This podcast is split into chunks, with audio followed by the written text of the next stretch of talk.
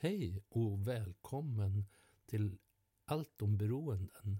Eller Addiktologerna som vår podcast kallas för. Och det här avsnittet är fortsättningen på förra gången. Där Bojne och Nisse pratade om sex och kärleksberoende. Och då hade de väl pratat sig fram till ungefär att man kommer fram till behandling och hur det kan se ut. Och det är där vi tar vid idag. Så varmt välkomna. Hoppas du får ut något av det här. Ha det fint. Jag vet inte hur det var för dig, men jag kommer ihåg när jag, jag blev ju tvingad in i behandling. Eh, för att jag hade ju ingen insikt själv. Men jag gjorde det ju för att det skulle bli lugnt hemma. Eh, men det, den största fasan jag kände inför att gå in i behandlingen var ju att skulle jag inte få fortsätta med det här? Alltså, livet såg ju ut som en jävla ökenvandring om jag inte skulle få ha mitt hemliga liv. Alltså, jag kunde inte riktigt tänka mig det. Att det skulle finnas något innehåll eller någon glädje eller någon spänning eller något som var roligt om jag inte fick ha mitt hemliga liv. Men hur, hur var din ingång i behandling? Eller för att... Det omedelbara de första veckorna var ju att, att jag kände mig hjälplös och det var som ett bombnedslag så jag var i chock.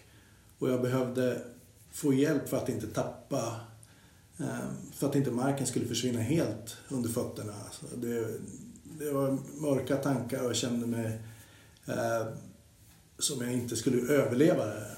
Det, det var, de, de första veckorna var som jag trodde inte att jag skulle överleva skammen, chocken, sveket. Eh, sen efter, efter två, tre månader i, i behandling eh, jag hade börjat få prata om det här och få rota i det. Då, då kunde jag uppleva, jag kunde känna så också att det, det hade försvunnit då. För det, mina utageranden när jag skulle resa bort på, på jobb eller annat. Att, och jag visste att jag skulle utagera. Det var en spänning i det. Det var någonting som jag såg fram emot. Eh, jag planerade och, ljög och för att... För, och det gav... Den plan, det planerandet och smusslandet. Det var också en del flykt och det gav liksom någon sorts berusning.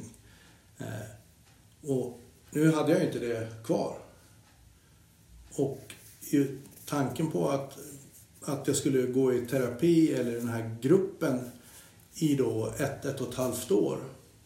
Det, det kändes eh, otänkbart. Jag tyckte att jag måste kunna vara frisk på max ett halvår. Så måste jag sluta med det här och må tipptopp. Ehm, och i det så såg jag ju framför mig att eh, många svårigheter att jag måste ta tag i, i livet utan de här flykt och snuttefiltstillfällena. Mm. Ja, Jag känner igen mig i det. Jag kommer ihåg att jag tänkte så här inombords när jag gick, när jag gick med på att gå in i behandling så att jag men jag går den här kursen så får jag det där diplomet och, så, och jag borde kunna göra det här snabbt. Eh, Och stämpel. Okej, ja, så stämpel. man fick ett diplom liksom, att sätta upp på väggen. Ja. Det som, eh, vad, vad kan vi säga då för att om, vi nu har någon lyssnare där ute som, som är tveksam och, och kanske tvekar på att söka hjälp och inte vet riktigt om, om det är värt besväret. Vad, vad, vad skulle vinsten, vad vad har vinsten varit för dig? Att göra den här resan som du har gjort nu och lägga det här gamla bakom dig. Den största vinsten för mig, det blir på flera plan då, men det jag kan sammanfatta det med att jag kom ur bubblan. Jag fick tillbaks verkliga, uppriktiga relationer med min fru, mina barn eh, och min ursprungsfamilj och mina vänner. Och med tiden så har jag också blivit uppriktigare, mer ärlig eh, i förståelsen mer av mig själv. Så att det finns två stora vinster. att komma ur bubblan och få uppriktiga, ärliga relationer och kunskapen om mig själv.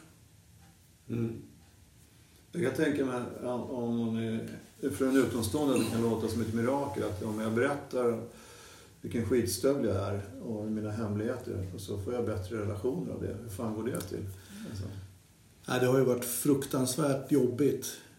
Det, det är sånt, det har gjort det är sånt enormt svek under en lång tid som det är nästan omöjligt att sätta ord på. Och det har varit Eh, enormt mycket smärta på vägen. Men utan, jag vill inte få det låta som en kliché, men liksom efter det och i det så, så blir det en, en uppriktighet ändå. Det kan finnas sorg och besvikelse eh, kvar länge. Men det finns ändå, det skalas av massa bullshit. Och att kunna säga att, att jag mår inget bra, jag känner mig ledsen. Ehm, att öppna sig gör, det erbjuder andra möjligheten att, att göra detsamma. Att öppna sig och inte lägga locket på och ta till flykt. Så att det, det blir, och jag har hört många kamrater här i gruppen som också upplever det, att det blir ärligare och bättre relationer. Det blir inte smärtfritt. Nej. Men om, man hör vad du säger så är det också ett, ett, alltså aspekten i att, att vara i... Att, att ha de här hemligheterna, eller att vara i ett beroendetillstånd, att smussla och ha hemligheter.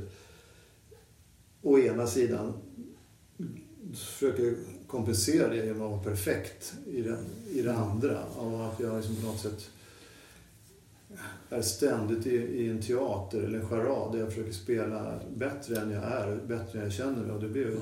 ja, den, det ganska ansträngande position att vara i. Och att kunna släppa taget om det, att kunna säga som det är. Att kunna säga, men...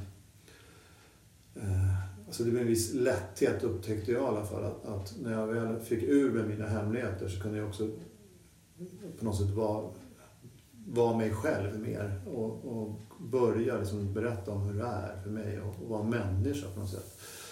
Ja, jag upplevde det också efter ett tag. Eh, efter, efter, vad ska jag säga, ja, tre, fyra månader till ett halvår. Att, att eh, jag behövde inte spela. För att jag spelade det och jag har fått höra på både min familj och andra att jag spelade över och spelade Allan och skulle vara så framgångsrik och det var materiella grejer och jag skulle höras och framstå som väldigt framgångsrik och det gällde då materiellt att ha rätt saker, eh, att dricka de dyra dryckerna.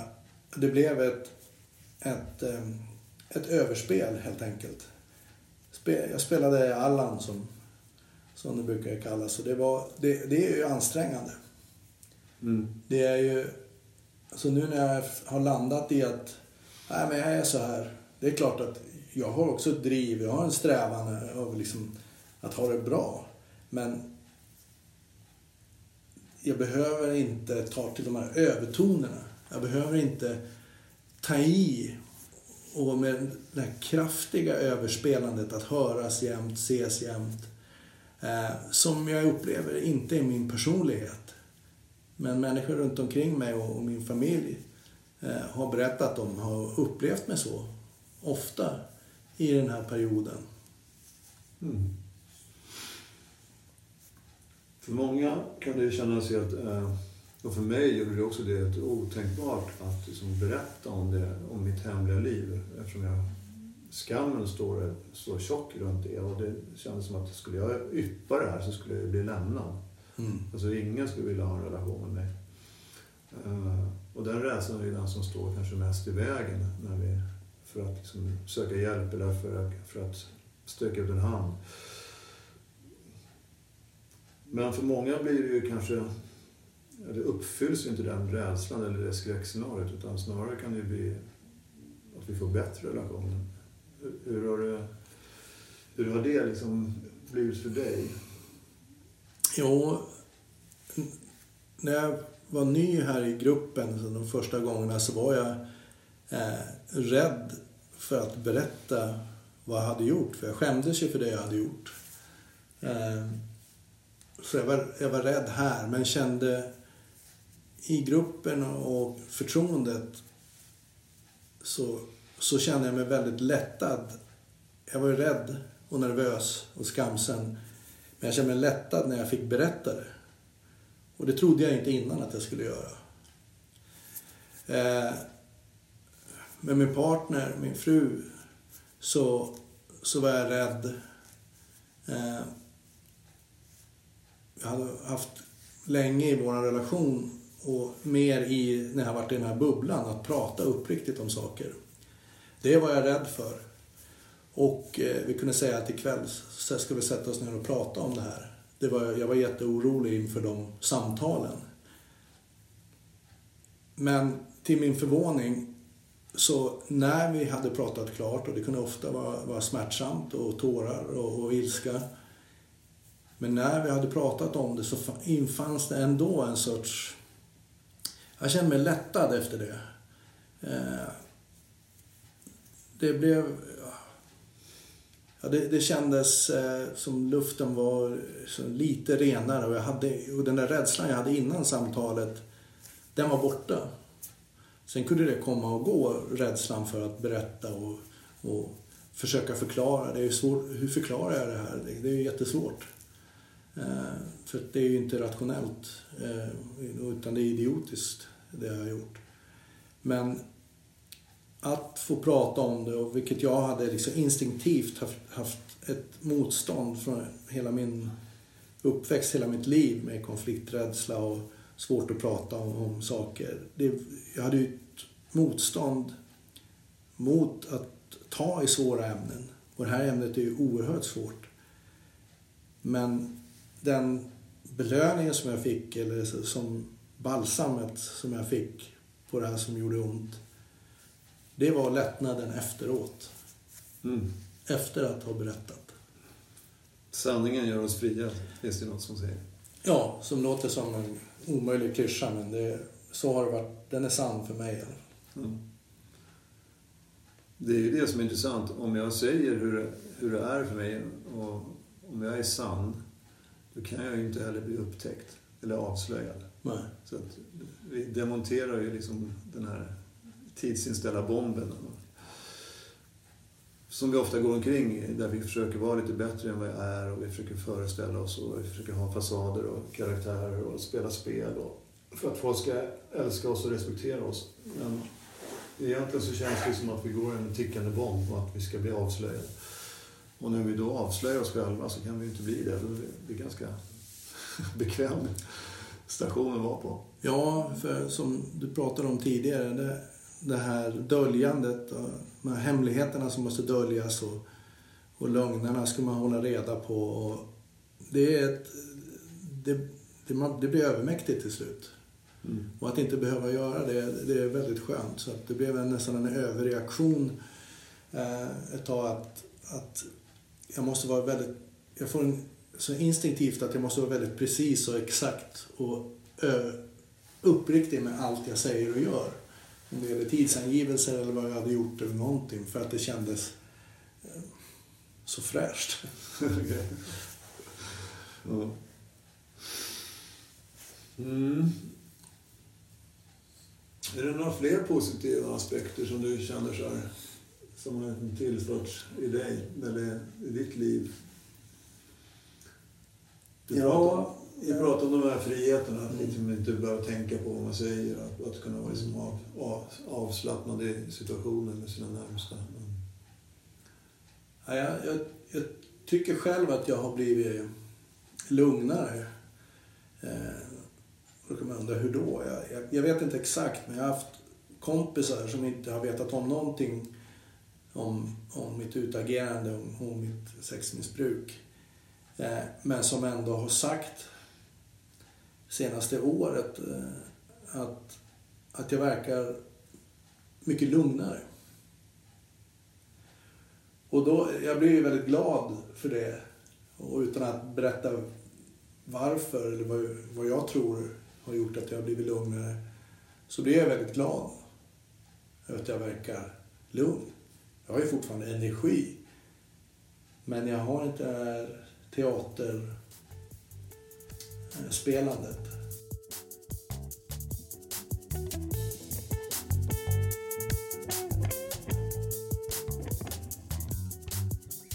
det finns ju många ut i världen som tycker, som jag undrar om det är sant. Kan man verkligen bli beroende av sex? Är det inte bara att skärpa sig liksom? Det inte bara om moral och karaktär. Alltså, är det verkligen ett beroende så som med alkoholism eller att bli beroende av heroin? Det är ju inget som tvivlar på att man kan bli det. Men, men det finns ju ett tvivel runt det här med, med sex. Att det är bara en jävla ursäkt för, Ja för, eh, ja, för att man har dålig karaktär helt enkelt. Att det är bara skärp dig för fan. Vad är din upplevelse? Alltså, utifrån ditt personliga perspektiv, har du några tankar runt det? Ja, jag har, jag har mötts av det eh, vid, vid flera tillfällen att, att jag har tagit fram det som en ursäkt. Att jag inte an, skulle inte vara ansvarig för det jag har gjort utan eh, det är inte jag, det är ett missbruk. Eh, jag har inte duckat för att det är jag som har gjort det jag har gjort eller jag har inte duckat för ansvaret. Men det har varit en drog och det har varit en flykt som har, som har på något sätt pa, passat mig eller mitt behov av att fly. Eh, jag har ju druckit för mycket alkohol också så det har väl liksom varit ett, ett sorts blandmissbruk och, och jag upplever att det eh, med, när vi pratar med andra killar och män att det har funnits eh, det kan finnas alkohol och droger parallellt vid sidan om sexmissbruket. Men att, att det ändå... Jag har inte velat egentligen vara otrogen eller utagerat. Men det, det har ändå hänt. Och jag, det har varit... Jag har inte haft kontroll på det. Det har varit, en, det har varit som en drog. Och jag har nästan inte kunnat vara utan den heller. Nej. Det finns ju några sådana här enkla kriterier man brukar använda för att se om det är beroende eller inte. Och det, ett av dem är liksom att, det, att det eskalerar. Att det, liksom, det ökar i omfattning, eller tid eller pengar. Eller liksom, alltså, på något sätt så ökar det liksom, eller intensitet eller på något sätt. Och, och, och det finns ju flera kriterier. Det andra är att man, alltså att man tycker att jag bör sluta med det här men jag förmår inte Mm. sluta med. Att liksom, det har tagit ett uttryck som är liksom lite utanför mitt, min förmåga. Liksom. Och, och det tredje kriteriet man brukar prata om är den här som vi nämnde förut, den tankemässiga upptagenheten. Att liksom, mycket av min tid cirkulerar runt där. Det är inte bara just när jag gör utan liksom jag planerar, och jag intrigerar och jag Mm. lägger tid på det här. Ja. det, är det några av de kriterierna som du känner är bekant i? Ja, jag kan börja tänka tillbaks på, på flera tillfällen när jag sagt att nej, nu bryter jag med den här eller de här kvinnorna. Jag kan inte hålla på så här. Eh, men sen har, sen har jag ändå inte kunnat göra det. Jag har inte kunnat jag har inte kunnat stått emot. Jag har inte raderat numren. Jag har inte brutit. Jag har inte bytt telefonnummer. Jag har inte gjort någonting för aktivt för att bryta det här beteendet. Men även om jag har velat. Jag har inte velat. Jag vet ju att, och jag visste att det jag gjorde var fel. Och flera gånger tänkte jag att nu, nu lägger du av. Nu, liksom, nu, fan, nu har du klarat det. Kom undan hela tiden med att ljuga. Nu lägger du av. Men ändå så har jag inte gjort det. Utan nästan har det varit så att vid de tillfällena har det nästan eskalerat. Att jag då har chattat då eller, eller porrsurfat eller eh, utagerat med i en högre takt. Eh, så så det, det, det är svårt att förklara men det, det är ändå... Jag har inte haft... eh, jag har inte kunnat kontrollera det. Även fast jag har velat bryta det. Och jag har liksom tänkt på det från det att jag... Alltså inte varenda vaken minut, men från att jag vaknade tills jag gick och la mig så kunde jag vara så att säga, upptagen med, med tanken. Mm. Ja, det du nämner där är ju ganska vanligt att när vi, för vi kommer i kontakt med, med skammen i att vi håller på med det vi håller på med. Och när jag kommer i kontakt med skammen så tänker jag att det här är för jävligt, jag måste sluta. Ja. Men samtidigt som jag är i kontakt med skammen så är det det som också gör ont. Det gör ännu mer ont på något sätt. Vilket gör att ja, men, flykten eller medicineringen eller det, det jag brukar fly med blir ännu mer påtagligt att ja, men jag måste fly en gång till. Utifrån om man pratar om beroende som, som en form av, jag har en smärta någonstans, det är någonting som jag inte orkar liksom, leva med på något sätt eller bära. Och så hittar jag en medicin mot det, en distraktion eller jag hittar liksom en, ja, ett sätt att slippa vara i, Mm. i det där tillståndet. Och, eh, det finns ju, så egentligen är inte frågan varför missbrukar utan vad, vad är smärtan? Mm. Eh, som är den intressanta frågan och som man kommer till lite längre i behandlingen. Eh, vad, vad, vad skulle du tro som, som har drivit dig in i det här? Eh, för det blir ju inte så att man bara från en dag till en annan hoppar liksom, in i någonting utan det, det brukar vara en gradvis resa. Liksom. Och vad tror du att du eldat på underifrån och hur, hur såg din resa ut? Liksom? Ja, det är precis som du säger. Det, det, är, en, det, det är väldigt lite, så att säga. Det, det smyger sig på. Och jag tror att jag någonstans har burit på eh, en sorg eh, och ilska och andra så stora känslor som jag har lagt locket på. Jag har inte tagit tag i dem. Jag har liksom stoppat undan dem och skruvat åt locket och lagt på ett, eh, ett brunnslock på det där för att de känslorna tyckte jag var obehagliga. Jag tyckte det var obehagligt att vara ledsen och arg. Så då la jag undan dem och tyckte att jag, jag hanterade det. Jag såg en sorts eh, stolthet, stolthet över att alltid vara den här lugna och samlade personen.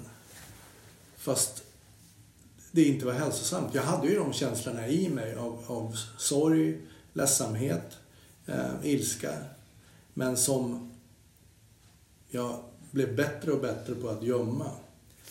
Och eh, jag, jag, kan, jag började väl med att dricka lite för mycket. Sen trodde jag att materiell, eh, materiella saker skulle innebära lycka. Att den här sorgsna känslan skulle försvinna. För att det är liksom gängse att har man materiell framgång då är man ju lycklig. Och så fick jag viss materiell framgång. Jag köpte de sakerna som jag hade drömt om. Men så kom det ingen lycka ändå. Ingen bestående, liksom djup eh, känsla av lycka utan snarare liksom att jag sneglade på och undrade jag kunde vara på liksom fantastiska ställen och undra vad, vad fan är du inte lycklig för? Och någonstans där eh, så fick jag liksom ett, ett rus eller en flykt eller en lycka lyckokänsla eller berusning eller bekräftelse eh, i sex. För en stund. Eh, och jag tror den, den känslan lyckades tillfället i alla fall bedöva eh, de, säga, den sorgsna sidan av mig och de, den, eh, de stora känslorna som jag hade lagt lock på. Eh, men det fungerade ju inte i längden hur än jag försökte öka dosen. Men jag tog grunden till det hela att jag har begravt, och försökt begrava, lägga locket på eh, äkta och jobbiga känslor. Mm. Ja, det låter fullt rimligt. Ja. Mm. Hur, hur, eh, om vi fortsätter där i det. Hur skulle du säga att du eh, hanterar de, den typen av känslor idag? Ja, det... Det... Genom att prata om de känslorna. Eh, och att bejaka att de finns där. Jag hade ett samtal med en person här senast igår. Om att eh, det är faktiskt okej att vara ledsen. Eh, det är okej att bli arg för ingen anledning. Eh, förr när jag kände en sorgsen känsla komma över mig eller en ledsamhet så ville jag bort med den så fort som möjligt. Det, det, vilken distraktion som det än kunde vara. Eh, för jag, jag, det blev röd flagg när de där känslorna kom. Nu, de kommer ju såklart fortfarande. Men jag kan förstå att det kommer. Och jag kan förstå var det kommer ifrån. Men jag vet även att det är inget farligt. Och att jag kan prata. Jag kan prata med, med min familj framför allt. Eh, eh, och mina vänner. Utan att berätta att jag har haft ett problem med sexmissbruk eller att jag går i en grupp. Men så kan jag ändå öppna. Jag kan ta initiativet till att prata om att det här var inget bra. Vilket underlä- kan, kan underlätta. Det gör inte alltid det. Vi är olika människor. Men det kan underlätta för andra människor också att prata och så får man igång ett, ett ganska uppriktigt snack. Mm. Och det behöver inte hålla på något länge men man kan i alla fall bejaka liksom att fan, man mår inte tipptopp jämt. Nej, så är det verkligen.